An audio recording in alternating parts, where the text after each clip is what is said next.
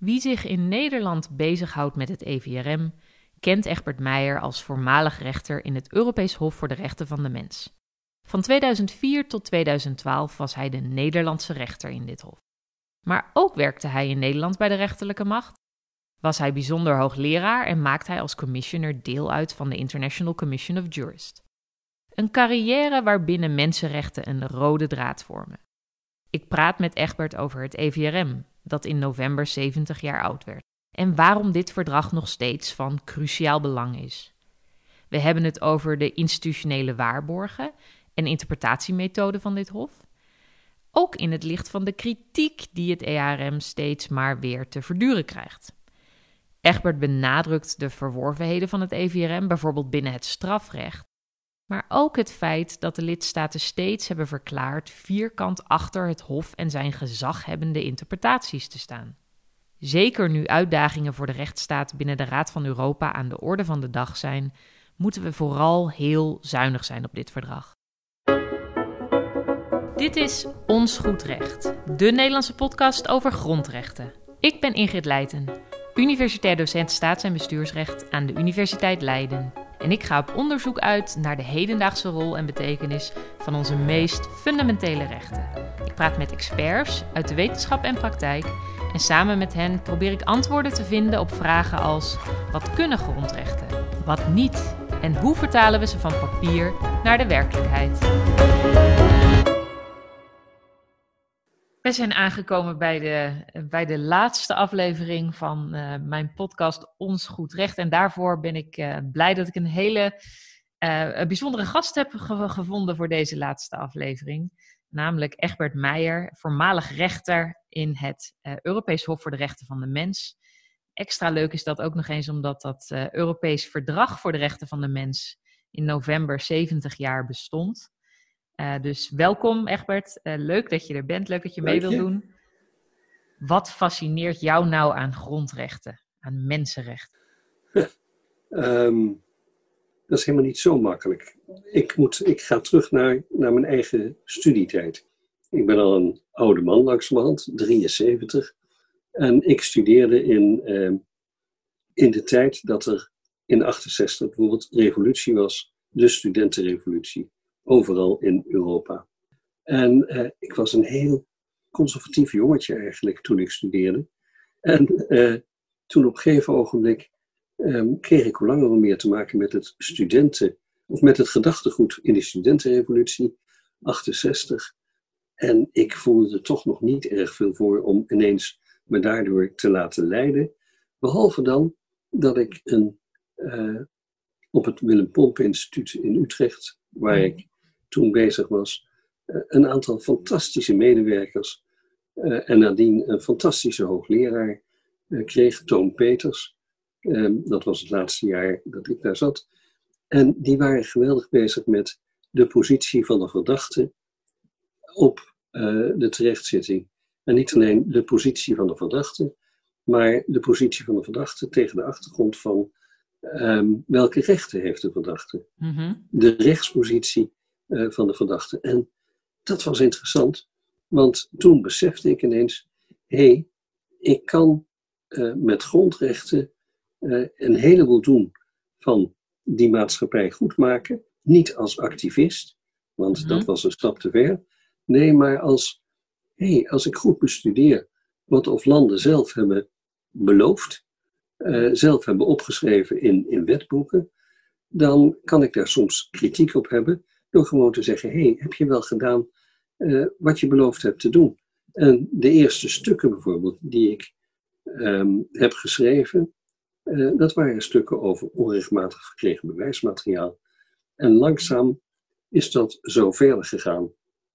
Ik werd gefascineerd door de functie van het recht ja. in de maatschappij. Um, en op het allerlaatst, in 72 ben ik afgestudeerd, zei diezelfde hoogleraar Toon Peters, wat ga je doen als je afgestudeerd bent? En ik zei, ik ga, uh, ik moet een dienst, dat moest toen nog, mm -hmm. en dan ga ik proberen rechter te worden, zei ik. En toen zei deze Peters, jij gaat, dat mag je best doen, maar jij gaat eerst maar eens bij mij een proefschrift schrijven over ja. strafrecht en mensenrechten. dat ga je maar doen, want dat vind jij leuk. En ik vind dat jij iemand bent die dat maar moet doen. En het is een lang verhaal wat ik nu vertel, maar strafrechten en mensenrechten. Ik ben uiteindelijk, een kleine 30 jaar later, in 2000, hoogleraar strafrechten en mensenrechten geworden aan de mhm. VU. Bijzonder hoogleraar. Maar toen was Peters al dood en ik vond het zo doodzonde, daar had hij bij moeten zijn. Want die man, die heeft mij dus laten zien, je kunt in het strafrecht, waarin ik me specialiseerde, daar kun je juist iets doen met, met grondrechten. Ja. Dus als een soort van middel ook om nou, misschien ook wel wat lacunes op te vullen hè? In, in bescherming, in, ja, en wat je zegt op basis van afspraken die die landen zelf gemaakt hebben. Ja, ja. Heel nou, een, een van, die, van die belangrijke afspraken, ik zei het al, het Europees Verdrag voor de Rechten van de Mens uit 1950 uh, eh, alweer, dus nou, 70 jaar oud. En, en dit is ook, hè, als we wereldwijd kijken, natuurlijk nog steeds een van de belangrijkste mensenrechtenverdragen. Uh, bindende uitspraken door het, uh, door het Europees Hof, die op basis uh, daarvan kunnen worden gedaan. Wat, wat, zijn nou die verworvenheden van dat verdrag in 70 jaar en waarom is het nog steeds zo belangrijk volgens jou? Het is ontzettend belangrijk omdat het een reactie geeft op het Ehm, hoe kunnen wij samen afspraken maken in Europa om wat er in die Tweede Wereldoorlog is gebeurd aan barbaarsheden, aan de meest vreselijke dingen, om dat nooit meer te laten gebeuren. En hoe kun je er nou voor zorgen dat dat nooit meer kan gebeuren? Door in elk geval te zeggen dat met de andere landen waarmee je dat afspreekt, dat op jouw grondgebied grondrechten gerespecteerd zullen worden ongeacht uh, wie je bent, uh, ongeacht uh, wat voor soort iemand je bent, grondrechten heb je. En dat waren in dat verdrag hele simpele dingen eigenlijk. Het recht op leven, het recht om niet gemarteld te worden, een menswaardig behandeling, geen dwangarbeid, ehm, alles wat te maken heeft met mag men jouw vrijheid afnemen en welke rechten heb je om je daartegen te beweren. Een eerlijke procesvoering geen terugwerkende kracht van de strafbepaling. Privacy. Ehm, het recht op uh, je godsdienst kunnen beleven. Mhm. Het recht om, om, om te vergaderen waar je dat wilt. Tot en met het recht om ehm, het recht op te trouwen. En het recht op een, ehm, op een, op een toegang tot de rechten. Dat waren het eerste. Dat allemaal zonder discriminatie. Dat waren, dat waren zo ontzettend kernwaarde uh, dat het fantastisch was om dat neer te schrijven.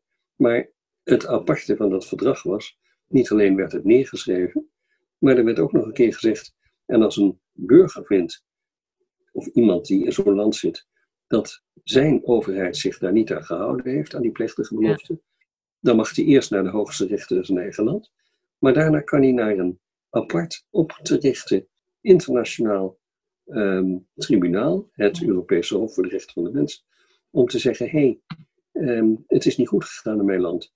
En het Hof zal dat bekijken. En als het Hof vindt dat het inderdaad niet is goed gedaan, dan, um, dan moet een land dat veranderen. En dit is het algemene verhaal, maar wat is nou het fantastische? Dat is dat dat systeem, pas in 1959 kwam het eerste arrest van het Hof, mhm. maar dat systeem, dat werkt. Er zijn ieder jaar honderden vonnissen, arresten van het Europese Hof, waarin landen de maat wordt genomen en waarin wordt gezegd dat moet je anders doen. En ehm, dan is het wel zo dat een land als Nederland ietsje gemakkelijker ermee omgaat dan uh, landen die denken ze kunnen me wat. Mm Rusland, Turkije op dit moment, dat is een beetje zorgelijk allemaal. Maar er gebeurt iets. Uh, mensen weten ook, ik kan terecht, zelfs als mijn regering heeft gezegd, uh, nee hoor, alles is goed. En zelfs als alle nationale rechters hebben gezegd het is goed, dan kan ik terecht om te kijken of dat werkelijk waar is. En ook in Nederland heeft dat, heeft dat ja, hele mooie effecten gehad. Kijk, nu is het een lang verhaal, maar toen Nederland uh, moest ratificeren, hè, want Mhm. Nederland was wel partij bij het verdrag, maar ze moesten ook nog officieel zeggen: oké, we doen mee. Ehm, toen heeft Nederland eventjes gewacht vergeleken met andere landen. Aha. Net, net eventjes gewacht. En waarom? Eh, dat was om toch even te kijken of misschien de eerste resultaten te ver gingen. En Nederland is, is een kijk uit de bomert. Uh, of een kijkert uit de boom, hoe je het ook wil noemen. Ze hebben even gewacht. In 1954 is het pas voor Nederland geratificeerd. En voor andere landen al in 1953. Even kijken of het niet te ver ging. En toen is er in het parlement, toen dat bediscussieerd werd, in begin jaren 50, gezegd van, maar als we nou bij dat hof, uh, of als we bij dat EVRM meedoen, um, wat betekent dat voor Nederland? Moeten we dan veel veranderen? En dan zegt de regering, mm. prachtig, nee, we hoeven helemaal niet veel te veranderen, want eigenlijk is dit verdrag bedoeld voor landen, anders dan Nederland, uh, waarin de, de normen van de rechtsstaat niet zo geëerbiedigd worden. Uh, en uh, eigenlijk bedoelden ze misschien te zeggen van, ja, je moet kijken naar Duitsland en naar België. daar valt nog wel wat te verbeteren. Nederland, dat valt wel mee. Ja. En uiteindelijk viel het natuurlijk heel erg mee in Nederland, maar we hebben ook dingen moeten, moeten wijzigen. heel duidelijk, omdat dat toch niet met dat verdrag in overeenstemming was. En, en het zijn soms, soms zijn het hele kleine dingen. Uh, eentje uit de oude doos is dat um, vroeger was het zo dat als ouders gingen scheiden, een van de ouders tot voogd en de ander tot toeziend voogd um, werd benoemd. Heel gek. Je verloor ineens je ouderlijk gezag. En uh, de ouder die de voogdij kreeg, die had het primair voor het zeggen. Dat heette ineens voogdij. Ja, zoiets miniems. Er werd op een gegeven moment gezegd, jongens, dat kan toch niet? Uh, en ehm, nu is het zo dat ouders ook de gezamenlijke ouderlijke macht kunnen blijven uitoefenen. En alleen al die term is veel beter dan de term voogd. Ja. Uh, maar goed, dat, dat, is in het, in het, in het uh, familierecht, maar in het strafrecht. Ehm, het eerste waar bijvoorbeeld geweldig opviel, dat was de redelijke termijngarantie. Wat wil zeggen dat je recht hebt op berechting binnen een redelijke termijn. En uh, bij ons duurde het soms nog best lang. Mm Er werd gezegd, ja, we hebben onvoldoende rechters. Uh, of onvoldoende officieren of onvoldoende capaciteit. En dan zei Straatsburg, luister eens, als je uh, iets belooft, dan moet je het ook doen. Ja. En als je mooi wil zijn, nee, ze zeiden dat niet zo hoor, maar daar kwam het op neer. Als je mooi wil zijn, dan kost dat geld. Ja. Uh, bijna als make-up, dat kost geld. Uh, hebben mannen toch een voordeel. Uh, dat kost geld. En dat is ook zo als je belooft om je aan bepaalde grondrechten te houden. Dan moet je niet komen zeuren met, ja, maar daar hebben we even geen geld voor. Dat moet je ook doen. Precies. En, ja. Maar redelijke termijn is tot daar aan toe. Maar um, wij hadden, en dat geeft het het mooiste aan, wij hadden een zo groot vertrouwen bijvoorbeeld in Nederland in uh, de politie en in het aangeleverde dossier. Dat uh, eigenlijk was het volkomen ongebruikelijk om, uh, om getuigen te horen op een zitting. Mm. Dat is nu niet meer voorstelbaar als je kijkt in de krant wat er gebeurt in ja. strafzaken en hoeveel getuigen er iedere keer komen. Maar ik heb nog wel meegemaakt toen ik zelf, ik ben ook rechter geweest in Nederland, ehm, dat ik een zitting deed en dat dat ze zeiden van ja, maar we willen die getuige horen. En dan zei ik, ja, maar vertrouw je dan niet wat de politie heeft gezegd? Ze zei, nee, maar het ligt anders. Mm. En dan was er een advocaat die wel tegen me zei, meneer de rechter, het staat ook in dat verdrag, maar ook in het wetboek van strafvordering dat we dat mogen. En dan dacht ik, verrek, natuurlijk. Ja, ja, dat staat erin, dat moeten we dan ook doen. Ja, is een beetje een, een externe check hè, die, die landen zichzelf opgelegd hebben. Ja. Zelfs als ze niet altijd van tevoren konden inschatten wat dat dan precies zou betekenen. Maar dat is natuurlijk ook het hele idee, dat er iemand is nog die je misschien kan wijzen op dingen die je zelf niet ziet of, of kon voorzien. Ja, en um, ik, ik, denk, ik denk dat ieder land zijn eigen tradities heeft. En denkt, ja, dat hebben we al zo lang, dat zal dus wel goed zijn. Mm. Uh, en dat was bijvoorbeeld in Nederland, we horen geen getuigen in strafzaken. Ja. Terwijl je als je nou werkelijk het op de keper beschouwt en je zegt het moet op de zitting gebeuren, dan moet je dat ook, dan moet je dat ook kunnen doen.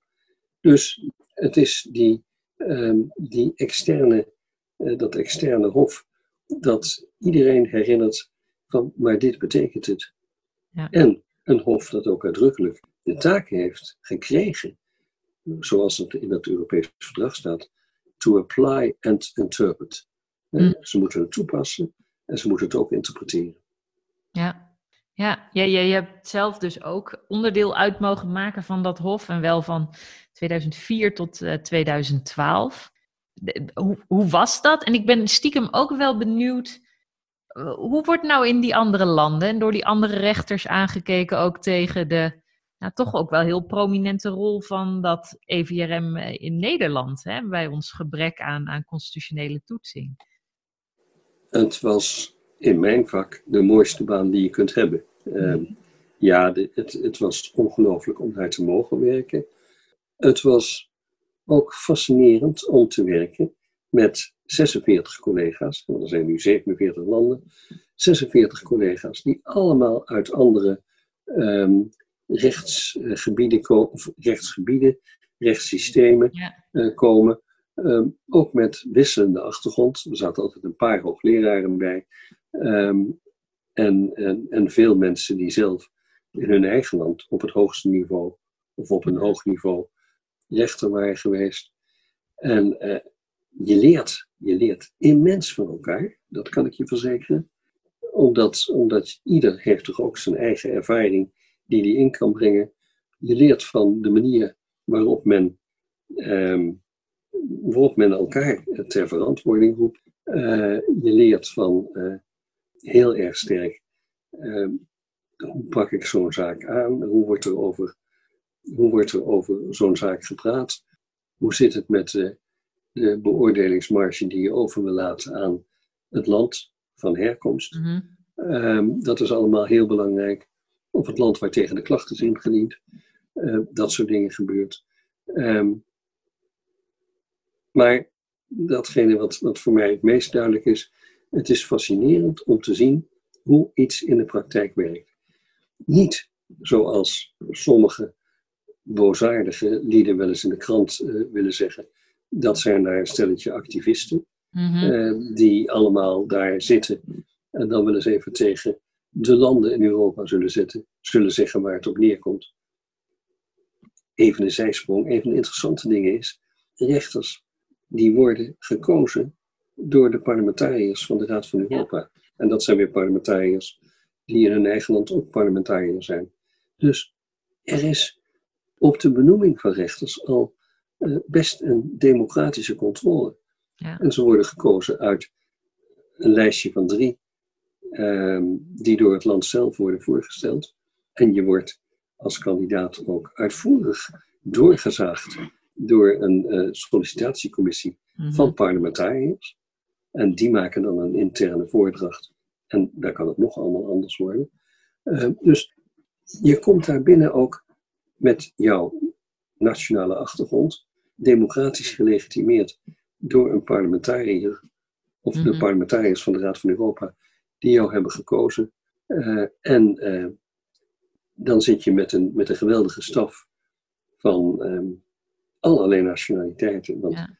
er komen klachten binnen tegen al die landen. En de dossiers moeten kunnen gelezen worden in, in de verschillende talen um, van de Raad van Europa. En, en die staf van jou, die heeft een geweldige ervaring. Die bereidt zaken voor. En je weet zelf uh, van hé, hey, dit zou het beste die kant op kunnen. En dit zou het beste die kant op kunnen. Maar in, in alle zaken waarin een schending uh, zou kunnen worden aangemerkt, ga je praten met, met, met zeven collega's, althans met zes collega's, ja. uh, die over die zaak oordelen samen met jou. Dus jij bent de zevende. En forget it om te zeggen van ik ben de vertegenwoordiger van mijn land. Alles wat mijn land uh, vindt is goed. Dus ik zeg lekker dat het wel goed is. Want als zes van jouw collega's zeggen het is niet goed, dan weet je, daar moet ik nog eens over nadenken. Ja. Het is mij in mijn acht jaar in Straatsburg één keer voorgekomen dat ik in een grote kamerzaak zei: nee, ik vind het wel degelijk te verdedigen. Maar ik was gelukkig niet de enige. Als ik de enige was geweest in een zaak tegen Nederland, Ja. ehm, dan had ik me nog vier keer moeten bedenken, waar zit ik fout? Ja, ja want de, de, de nationale rechter is altijd, hè, die zit altijd in de kamer van, van Ja, de zaak ja, tegen een bepaald land. Wat je verder ook zegt, er- er zitten dus best heel veel ook institutionele waarborgen in dat eh, systeem. Die ervoor zorgen dat dat Hof helemaal geen losgezongen eh, activistische eh, club wordt. Maar juist eigenlijk echt die, die samenwerking en link met, met de nationale staten heel eh Ja. Het is zelfs zo dat, er, dat ieder conceptarrest dat er ehm, voor ligt, dat gaat ook nog even via het bureau van, zoals het heet, de Eurosconsult. Mhm. Dat is een, een, een hoge uh, Griffie-medewerker die een aantal medewerkers bij zich heeft. Uh, en die kijken ook nog eens even, en past dit voorgenomen arrest en de redenering in de, uh, in de lijn van de jurisprudentie die het Hof tot nu toe Mhm. heeft gedaan. En past die, is het een uitbreiding, dan mag een Kamer dat doen. Maar zou de Kamer tegen bestaande jurisprudentie in uh, redeneren, dan moet het zelfs naar de grote Kamer gebracht worden, Ja. om, van 17 rechters, om te kijken of het werkelijk zo is dat nu de bestaande jurisprudentie uh, uh, opgeheven moet worden. Dus zelfs daar zitten alle waarborgen dat je nog waarschuwing krijgt. Kunnen we dit wel zo doen? Mhm. Ja, maar toch zijn er dan nog heel wat zaken waar een schending is. Ehm, ja. Ja. Ehm, maar het is bijvoorbeeld interessant, afgelopen jaar, 2019, is er maar één veroordeeld arrest tegen Nederland. Mhm. Van de 700 zoveel arresten die gewezen zijn. Eh, maar ehm, wel meer dan 100 tegen Rusland. Ja. En eh, tegen Oekraïne. En tegen Turkije. Ja, dus Dat is interessant. grote verschillen. En, en, en dus ook voor wat betreft de- rol waarschijnlijk van, van het EVRM en de rechtspraak van het EARM in de verschillende lidstaten. En ik, ik, ik duidde er net al even op, maar in Nederland blijft dat natuurlijk heel, heel bijzonder. Dat we ja, dat EVRM eh, heel vaak inroepen voor de rechter. Eh, dat het een beetje op, op punten de, de plek van onze grondwet eh, in lijkt, te- lijkt te nemen. Mhm. In andere landen zul je waarschijnlijk veel ja, een sterkere grondwet hebben. Eh, wordt daar heel anders tegen aangekeken. Ehm, ik, ik weet dat niet 100%, want ik heb dat niet van al die andere landen precies bestudeerd. Nee. Ik merk wel, ehm, want ik heb in, ook in die acht jaar behoorlijk veel landen aangedaan om daar verhalen te houden. Mhm. Ook over recente jurisprudentie van het Hof. Het leeft behoorlijk. En als je kijkt naar het aantal klachten dat wordt ingediend Ja. eh, jaarlijks, en dat zijn er toch een, een, eh, tienduizenden. Eh, er zijn landen waar er heel veel van komen. En ja, je kunt inderdaad zeggen dat landen als de Scandinavische landen, Nederland, daar komt relatief veel minder dan, dan landen ehm, die misschien wat meer in beweging zijn eh, Mhm. sinds de val van het IJzeren Gordijn, ook al een tijd geleden, maar toch nog veel meer in beweging zijn om zaken te regelen. Eh, op het moment dat in Turkije zo'n ehm, meneer Erdogan ehm, een, een militaire coup heeft eh, geprobeerd, of niet, hij heeft het niet geprobeerd, tegen weten te houden Mhm. en allemaal mensen heeft gearresteerd. Ja. Ja, dan zie je ineens dat eh, er in de nasleep van die militaire coup allemaal dingen gebeuren in Turkije, eh, die zich niet altijd even mooi verhouden met eh, mensenrechten. En als zo'n land in zo'n situatie zit, dan kunnen ze nog een tijd een beroep doen op het is een noodtoestand, maar op een Mhm. gegeven moment kan dat ook niet meer. En zullen ze weer moeten doen wat ze beloofd hebben. Ja. En dat betekent het EVRM toepassen. Het betekent ook de arresten van het Hof toepassen. Ja. En eventueel nieuwe wetgeving maken. En daar zijn sommige van die landen moeilijk in. ja. Maar inderdaad, hè, de- het feit dat er toch uit al die landen zoveel klachten komen, dat die het Hof weten te vinden, dat is natuurlijk een belangrijke indicator Ja. daarvoor dat Ja. het, dat het werkt. Hè? Ah, Dat, Ja. Was het maar om, om die dingen naar buiten te krijgen en te laten beoor- beoordelen. Ja, zonder meer. We hadden het al eventjes over, eh, interpretatie. En eigenlijk, hè, dat is een van de middelen, denk ik, die het Hof heeft om ja, een beetje de balans te vinden tussen effectieve bescherming aan de ene kant en tegelijkertijd een bewustzijn ook wel van het subsidiaire karakter van dat Hof. Hoe, hoe werkt het daarmee met, met interpretatie, met, met de margin of appreciation? Ehm, ja, het Hof, dat zei ik al, het Hof heeft uitdrukkelijk in het EVRM de taak gekregen om mhm. ook te interpreteren. En uh, dat kan niet zo dat het Hof uh, bijvoorbeeld zou zeggen van hé, hey, in dat verdrag staat een recht. Ik heb recht op een uh, menselijke behandeling. Althans, er staat, gij zult niet onmenselijk mhm. behandeld worden.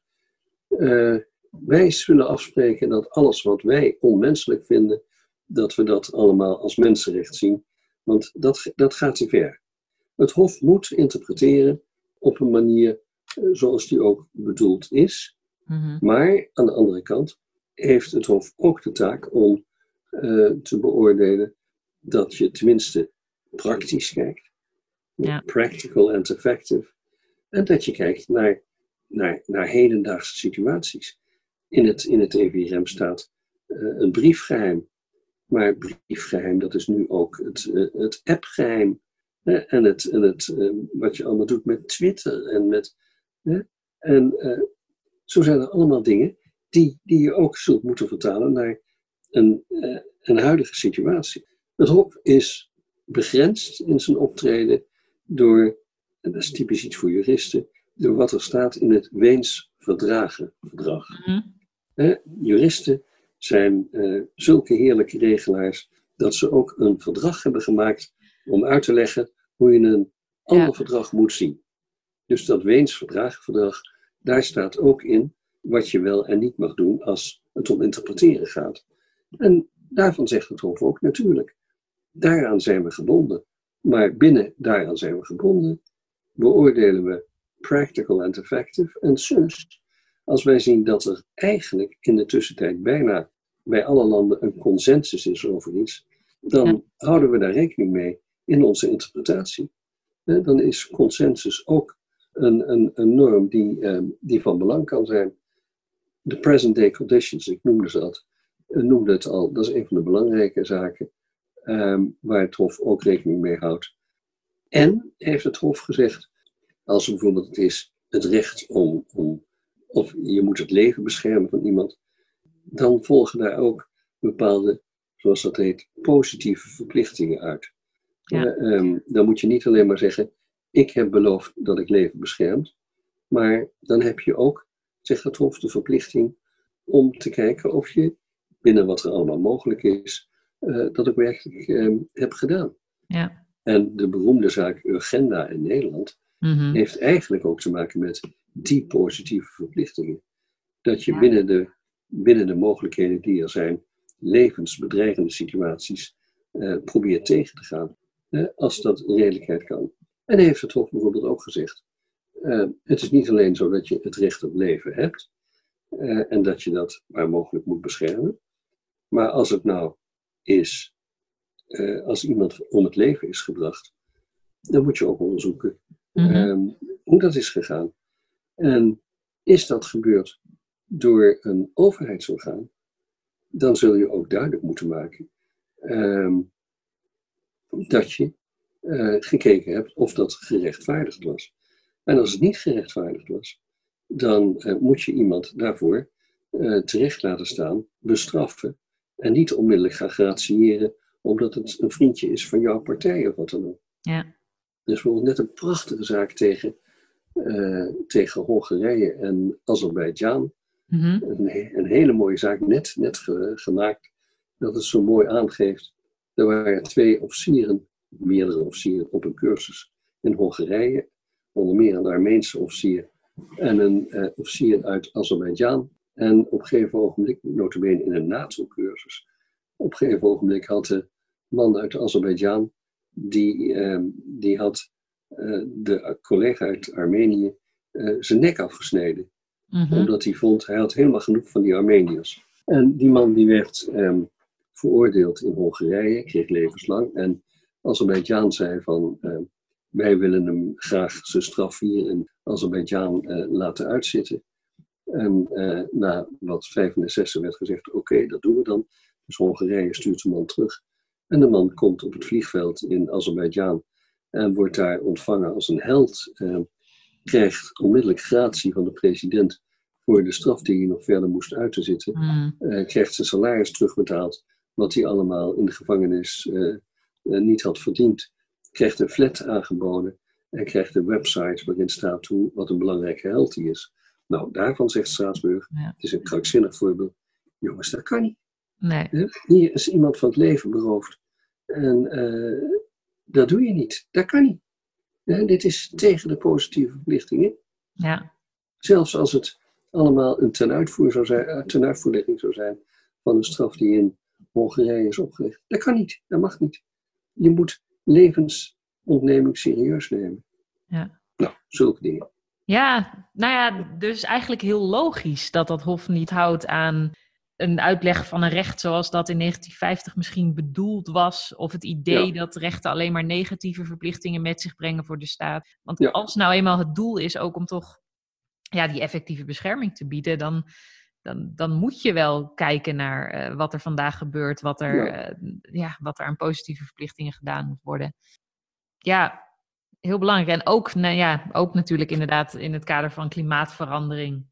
Je kunt wel zeggen dat was destijds misschien niet wat ze op het netvlies hadden. Ja. Als ze nadachten over wat het recht op leven beschermt. Maar het is wel onze hedendaagse realiteit. Ja. ja. Nou ja, dat zie, dat zie je in de agenda. Er zijn ook allemaal mensen die zeggen: ja, maar dat had de Hoge Raad niet mogen doen. Mm. Wat de Hoge Raad heeft gedaan is uh, kijken, hé, hey, Nederland weet waar het hartstikke gevaarlijk wordt, weet hoe we dat gevaar moeten voorkomen. Dat is algemeen uh, onderschreven. Daar moeten wij ook iets aan doen, want je hebt die positieve verplichting om levensbedreigende situaties uh, zoveel mogelijk op te lossen als dat kan. En als je dat zelf niet doet, dan zeggen wij het maar als rechter. Ja, precies. Nou zeg ik heel simpel, maar dat is eigenlijk het agendaverhaal. Ja, als je zelf dan uh, weet hoe de situatie in elkaar zit, maar je eigen beleid daar niet uh, in, in die Ja. termen kunt rechtvaardigen, dan, dan houdt het gewoon uh, op. Zeker bij zo'n positieve verplichting als het recht op leven. En toch, hè, de elephant in the room, ehm, eh, toch is er kritiek. Is er kritiek naar aanleiding van de agenda, kritiek op het EARM. En we zagen daar een voorbeeld van de afgelopen weken ook stevig eh, bekritiseerd worden, namelijk het, eh, het conceptverkiezingsprogramma van de VVD. Hè, waarin juist heel erg op die lijn wordt ingezet van Urgenda gaat te ver. Parlement en niet, eh, niet een internationale rechter moet bepalen wat, eh, wat onze mensenrechten betekenen. Ehm, ja, jij, jij hebt daarop gereageerd ook in de NRC. Wat moeten we hier nou aan doen? Ehm, we kunnen onze kop uitsteken en, en vertellen hoe het zit. Nou, ehm, het, het, in, het interessante is, eh, en dan geef ik niet een rechtstreeks antwoord, dat wij nemen landen als Polen en Hongarije, Turkije de maat. Mhm. En zeggen van, eh, wil je je aan de rechtsstaat houden? Wil je ervoor zorgen dat rechters niet aan de leiband lopen, zoals jullie dat proberen in Polen en Hongarije, van de regering? En ehm, wij verbinden zelfs aan dat soort omstandigheden datgene wat nu leidt tot een grote onrust in de EU. Ja. Ehm, omdat gezegd is, ja, die rechtsstaat, die binden we gewoon eh, vast aan nog kunnen profiteren van ehm, subsidies.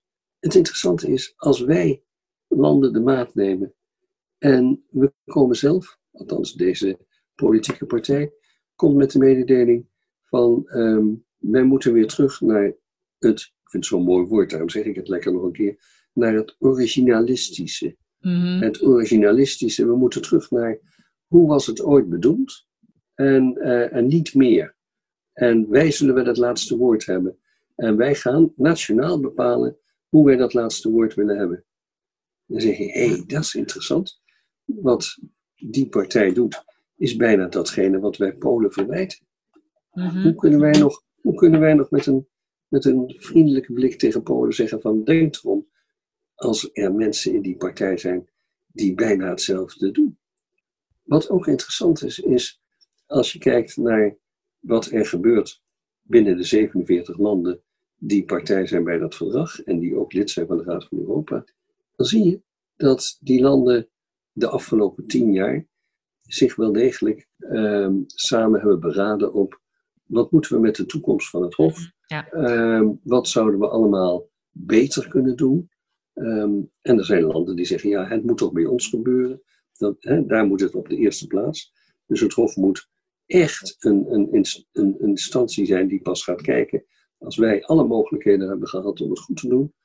En die landen die hebben daar allerlei uiteindelijk verklaringen over afgegeven. En dat is dan een officiële term, niet als een verdrag. Hè. In een verdrag daar staat ook van: oké, dit beloven we plechtig en je mag me eraan houden als ik me er niet aan houd. Dat is een verdrag, een beetje.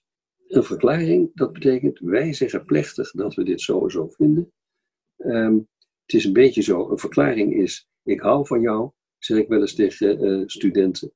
Uh, en een, een, een, een, een verdrag, dat is, nu zijn we getrouwd. Hè? Het, het scheelt, hè? Je kunt zeggen, ik hou van jou, en op een gegeven moment toch iets anders willen. Dat kan best. Hè? Maar goed, in de verklaringen naar aanleiding van die high-level conferences over de toekomst van het Hof, is de laatste van die verklaring in april 2018 gemaakt. Dat heet de Kopenhagen Declaration. Mhm. En als je die verklaring ziet, dan zeggen de 47 landen: we zien hoe belangrijk het EVRM is. We zien hoe belangrijk het Hof is. We staan daar helemaal achter. Het Hof is degene die gezaghebbend het uh, verdrag mag interpreteren. Staat uitdrukkelijk gezaghebbend het verdrag mag interpreteren. Het Hof mag dat ook doen volgens present day conditions. Mm -hmm. Dan zeg je, hé, hey, zouden ze bij de VVD die verklaring hebben gelezen?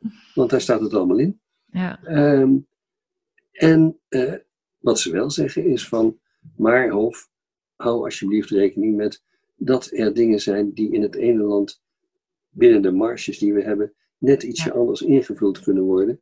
En dat gaat er met name over, over privacy. Uh, um, uh, over godsdienst kan dat soms ook gaan. Ja, je kunt zelfs de beleving van godsdienst. Uh, nee, je mag geloven wat je wil, maar als het gaat om de uitingen daarvan, mm -hmm. dan mag je soms wel grenzen stellen. Um, ja, klokken die niet geluid mogen worden in Tilburg mhm. voor kerkklokken voor half acht morgens. Omdat men, andere mensen ook moeten kunnen slapen. Ja. Dat is een beperking op, op geloofsbeleving, als je tenminste een kerkklok geloofsbeleving noemt. Nou goed, terug naar, dat, naar die verklaring. In die verklaring staat dus van, uh, eigenlijk, wij staan vierkant achter het Hof. Als het Hof af en toe ons maar een beetje de gelegenheid geeft om, um, om ook zelf um, dingen in te vullen uh, die vallen binnen de redelijke beoordelingsmarge die ja. wij nu eenmaal hebben. En daarvan is het leuke, die beoordelingsmarge, dat heet dan in het uh, Engels de margin of appreciation. Dat is een term die het Hof zelf ooit heeft uitgevonden. Het Hof mm-hmm. heeft ooit in de jurisprudentie gezegd: wij vinden dat landen natuurlijk een margin of appreciation hebben. Ja. En nu zeggen landen, hé, hey, die margin of appreciation, dat is belangrijk. Heel goed. Dan hebben ze goed geluisterd naar het Hof. Ja, ja, ja. Ja, omdat dat Hof zich dus eigenlijk ook zelf al decennia lang heel erg zich daarvan bewust toont dat ja. die rechten ook niet in een vacuüm bestaan en dat er afwegingen moeten worden gemaakt. Dat die op nationaal niveau in het ene land wat anders kunnen uitpakken dan in het andere land. En dat daar ook, daar kun je ook over twisten soms hoe dat precies moet ja. uitpakken. Wat overigens ook aardig is, is dat zien mensen niet zo vaak, maar er is sinds een paar jaar, ook naar aanleiding van dit soort initiatieven, uh, high-level conferences, is er ook een, um, een heel intensief samenwerken tussen de hoogste gerechten uit de meeste lidstaten en het Hof. Mm-hmm. Er zijn regelmatig bijeenkomsten. Er wordt dus ook op die manier ook met hoogste rechters samengepraat over ja, rechtsvragen die in het algemeen van belang zijn. En ook die uitwisseling is ontzettend goed. Geen eilandjes, maar samen praten. Ja, ja.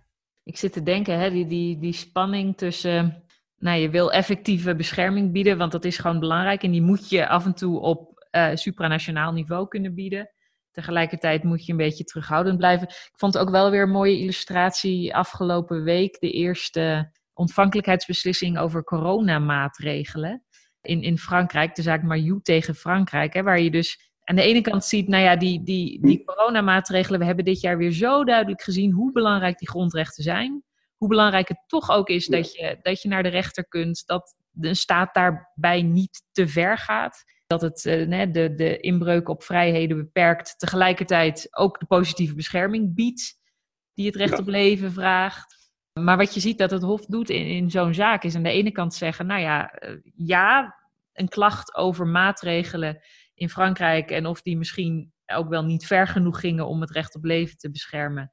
Uh, op zich, dat is een zaak voor het EARM. Tegelijkertijd zat daar wel weer de kwestie aan vast dat de, de, de betreffende persoon geen, uh, zelf geen slachtoffer was, of dat althans niet duidelijk genoeg had, had kunnen maken. En daar moet het Hof dan toch ook weer zeggen van, nou ja, hè, heel belangrijk, maar we kunnen ook niet alles.